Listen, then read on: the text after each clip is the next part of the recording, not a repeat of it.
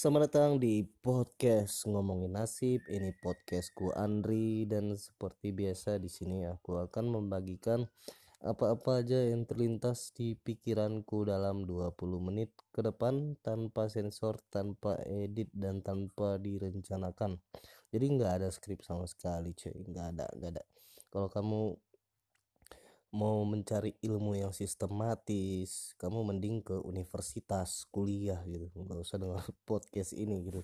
Tapi kalau kamu lagi pengen ditemanin aja lagi uh, nambah-nambah pengetahuan buang waktu gitu boleh lah dengar-dengar podcast ini.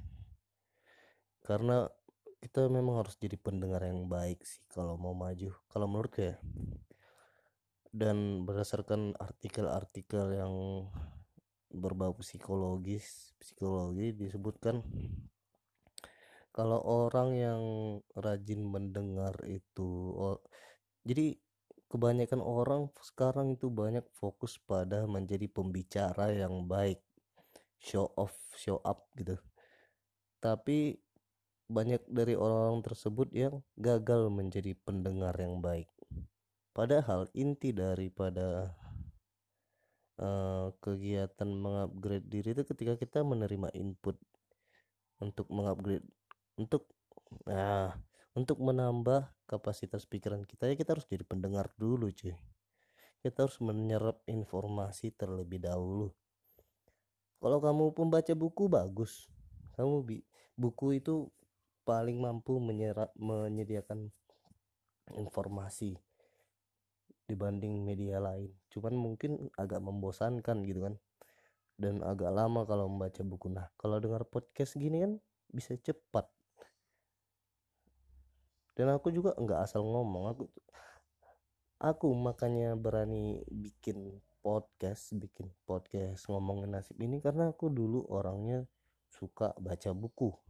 Jadi ada banyak hal-hal yang udah keserap udah terserap di kepalaku yang mungkin ya sesekali aku keluarkan melalui tulisan tapi ini lebih seringnya terpendam gitu aja di kepala jadi jadi dengan menggunakan podcast spontan seperti ini aku ngomong uh, tanpa berhenti selama 20 menit ya kemungkinan ilmu-ilmu informasi data atau uh, cerita yang aku dapat dari buku-buku keluar dengan sendirinya gitu kan bagus.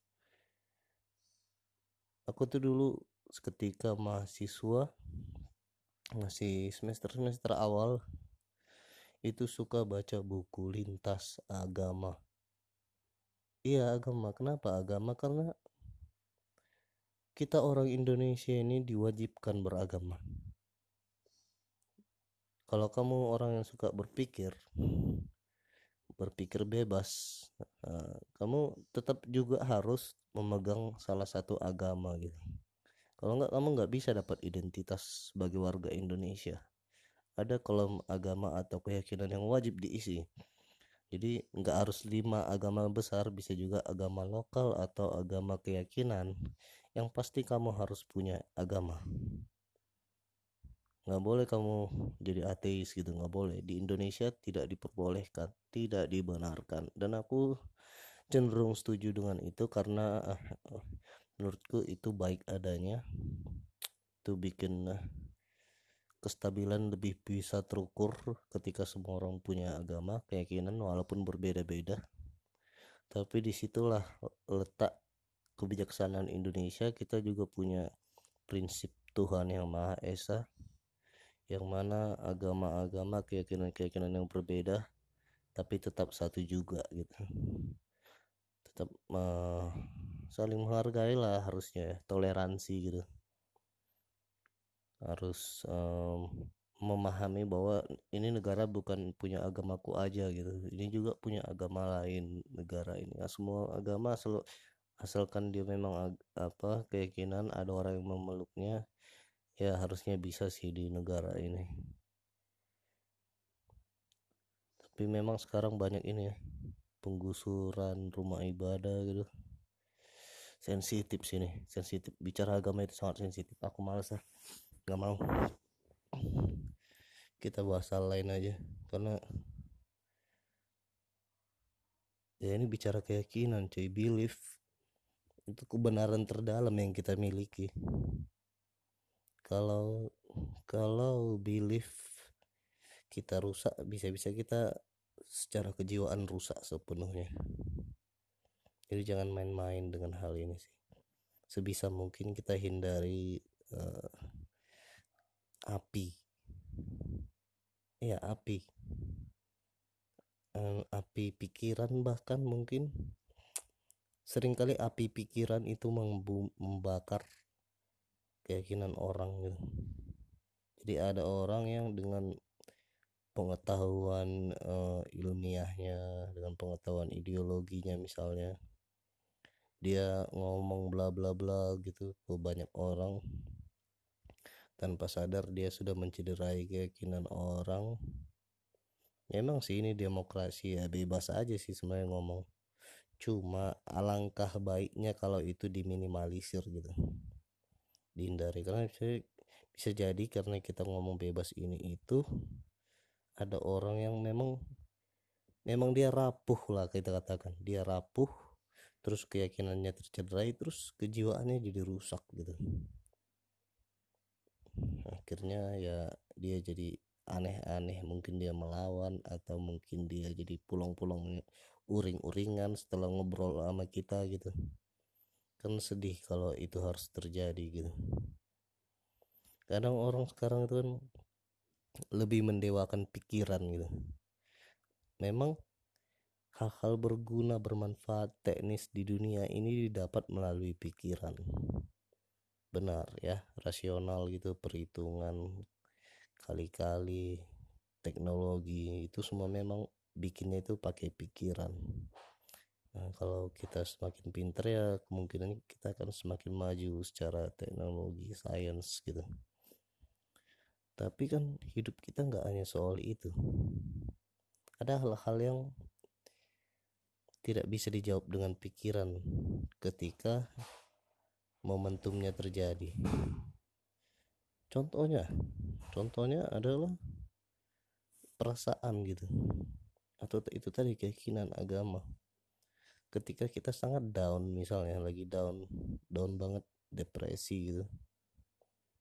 Seringkali sains tidak menjadi jawaban. Atau mungkin uh, ada sains yang bisa menjadi jawaban tapi tidak punya penerapan yang baik ketika dia terus terkungkung dalam metode sainsnya gitu. Artinya harus disinkronkan juga di dikawinkan dengan pengetahuan lain hal-hal lain gitu. Misalnya ke dalam kehangatan emosi ke dalam hmm, ke dalam agama gitu. Makanya kalau atau ke dalam ini moral yang baik di masyarakat. Makanya banyak tuh sekarang uh, penggabungan-penggabungan yang mungkin jadinya pseudoscience sains kemurnian sainsnya hilang. Jadi dia karena udah dicampur gitu tapi jadi lebih efektif daripada sains murni ketika diterapkan gitu. Itu bisa saja terjadi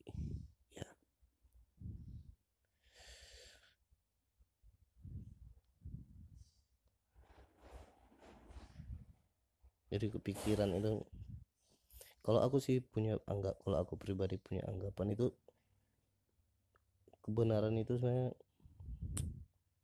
spiritual sih sifatnya. Spiritual tapi ada pikiran sebagai peta jadi tujuannya itu ditentukan oleh spirit. Tapi arah ke mana kita akan melangkah ya itu dibantu oleh peta peta itu adalah pikiran gitu jadi aku peta gitu. Kayak film film Dora itu si si Boots pikiran itu selaku peta rasio selaku peta rasio selaku alat ukur. E, namanya juga rasio kan. Rasio itu memang ukuran sih sebenarnya kata dasarnya. Rasio. Ukuran tapi atau mungkin kita misalnya pinter-pinter tapi nggak punya spiritualitas yang baik akhirnya kita eh, tidak bisa berdamai dengan lingkungan. Akhirnya pikiran kita itu menjadi beban bagi kita gitu. Banyak orang pintar yang kayak gitu. Pintar gitu. Tapi kepintarannya justru jadi beban bagi lingkungan eh bagi dirinya karena tidak bisa menyesuaikan diri dengan uh, lingkungannya. Ada juga orang yang pintar bisa menyesuaikan diri dengan lingkungan tapi karena moralnya jelek akhirnya dia jadi penjahat gitu.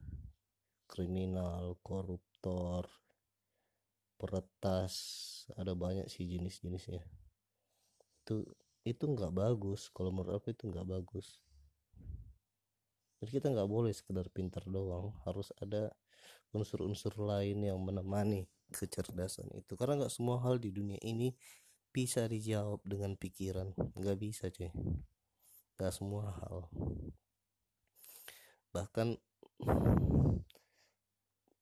apa ya pikiran itu juga kadang membuat kita menjadi sangat egois egonya tinggi karena kita mengabaikan empati gitu. Simpati dan empati itu sangat perlu. Empati dan simpati itu sangat perlu. Karena apa? Karena kita hidup di dunia ini nggak sendiri. Kita itu makhluk sosial dan itu sudah terlihat sejak kita lahir. Kita keluar sebagai jabang bayi bayi gitu. Ya kita udah ditolong orang proses melahirkan manusia aja harus ditolong orang gitu. Harus diberi makan sama orang lain. Ya kita dari dari kecil pun udah dibiasain sampai udah besar itu untuk bergantung sama orang. Kalau kita mau cari duit kita harus bergabung ke suatu komunitas. Misalnya perusahaan atau punya partner bisnis atau kita harus di pasar berinteraksi dengan uh, pedagang lain dan para pembeli. Itu kan semua sosial nggak bisa kita nggak bisa hidup sendiri pinter gitu nggak bisa cuy uh, lupakanlah kalau kamu pernah punya kesombongan seperti itu lupakan cuy lupakan. Nggak akan bisa. Di universitas tempat teori-teori yang bagus yang cerdas-cerdas itu ada aja di sana ada orang yang nggak pintar yang yang apa namanya yang hanya memanfaatkan moral mengandalkan kebaikan gitu. Tapi mereka lah justru yang menyokong jalannya universitas sehingga orang yang benar-benar pintar tadi terfasilitasi. Jadi di situ ada moral dan sosial juga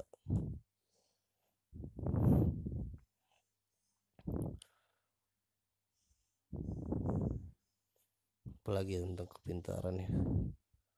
Kalau kamu mau pintar itu bagus bagus. Benar gitu. Ya mau pintar pintar aja. Baca buku terutama aku sih saranin baca buku. Orang yang nggak pintar aja begitu baca buku itu pintar kecerdasannya naik cuy. Karena transfer wawasan paling paling berisi itu buku. Kalau paling gampang sih video kamu nonton YouTube kan lebih gampang tersampaikan makna apa yang ingin disampaikan. Tapi walau lebih gampang isi yang bisa disampaikan terbatas sangat terbatas. Di video biasa di, dibuat informasi itu seringkas mungkin sehingga yang kita dapat cuma kulit-kulitnya aja. Kecuali yang bikin video itu eh, kemampuannya mengabstraksi kebenaran itu sangat bagus untuk memeras kebenaran sampai ke intinya itu sangat bagus baru. Itu baru benar gitu. Kalau enggak ya ya udah. Kita dapat kulit-kulitnya aja. Tapi kalau kita baca buku kalau kita baca buku kita akan mendapati runut logikanya. Karena di situ ada paragraf demi paragraf yang saling terkait. Satu bab aja kita baca bayangin sudah berapa kata yang kita serap dan semua kata itu berhubungan. Punya tujuan punya makna punya gambaran yang hendak ditransfer ke pikiran kita ke imajinasi kita. Kan lumayan gitu.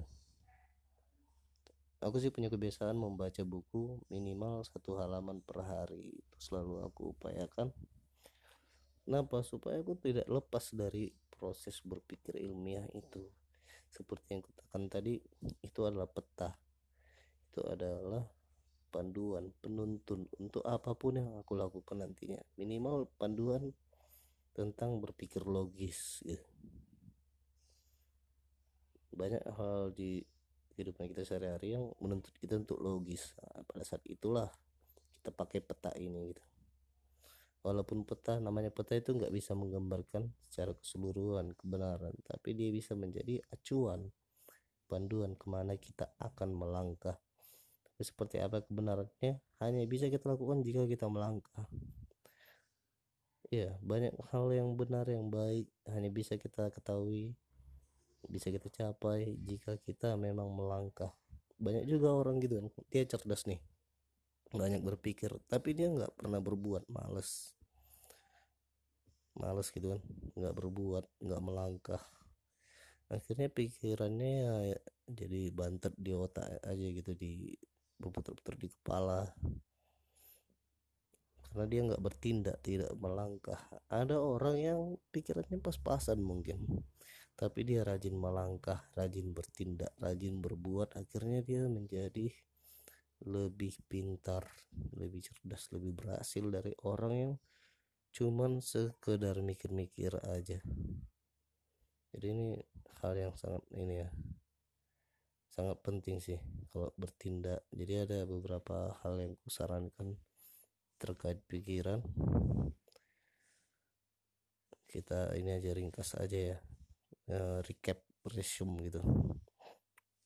Yang pertama pikiran itu digunakan sebagai peta sebagai panduan acuan selebihnya kita mesti sih kalau menurutku kita punya uh, uh, ketetapan spiritual gitu atau kita punya ketetapan moral hal-hal yang di luar logika lah kita punya emosi yang stabil gitu. yang indah hal luar ya itu pertama jadi peta yang pertama adalah pikiran itu merupakan peta panduan.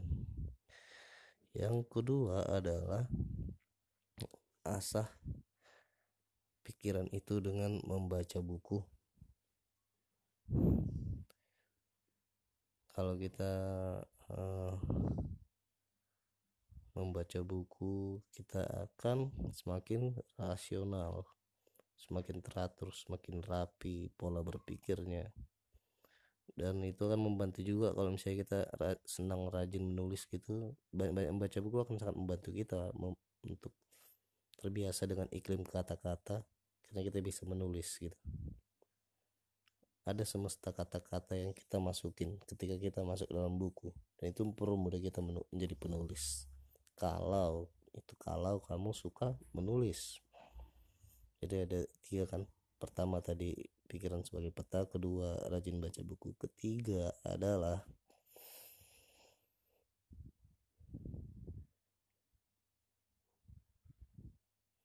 aduh lupa lupa inilah. Podcast ini kan dibikin kalau aku ngantuk ya kalau aku mau tidur bikinlah podcast. Jadi ya gampang lupa kayaknya karena setengah tidur. Yang ketiga adalah yang ketiga. Apa tadi? Pertama pikiran sebagai peta. Kedua rajin baca buku. Uh,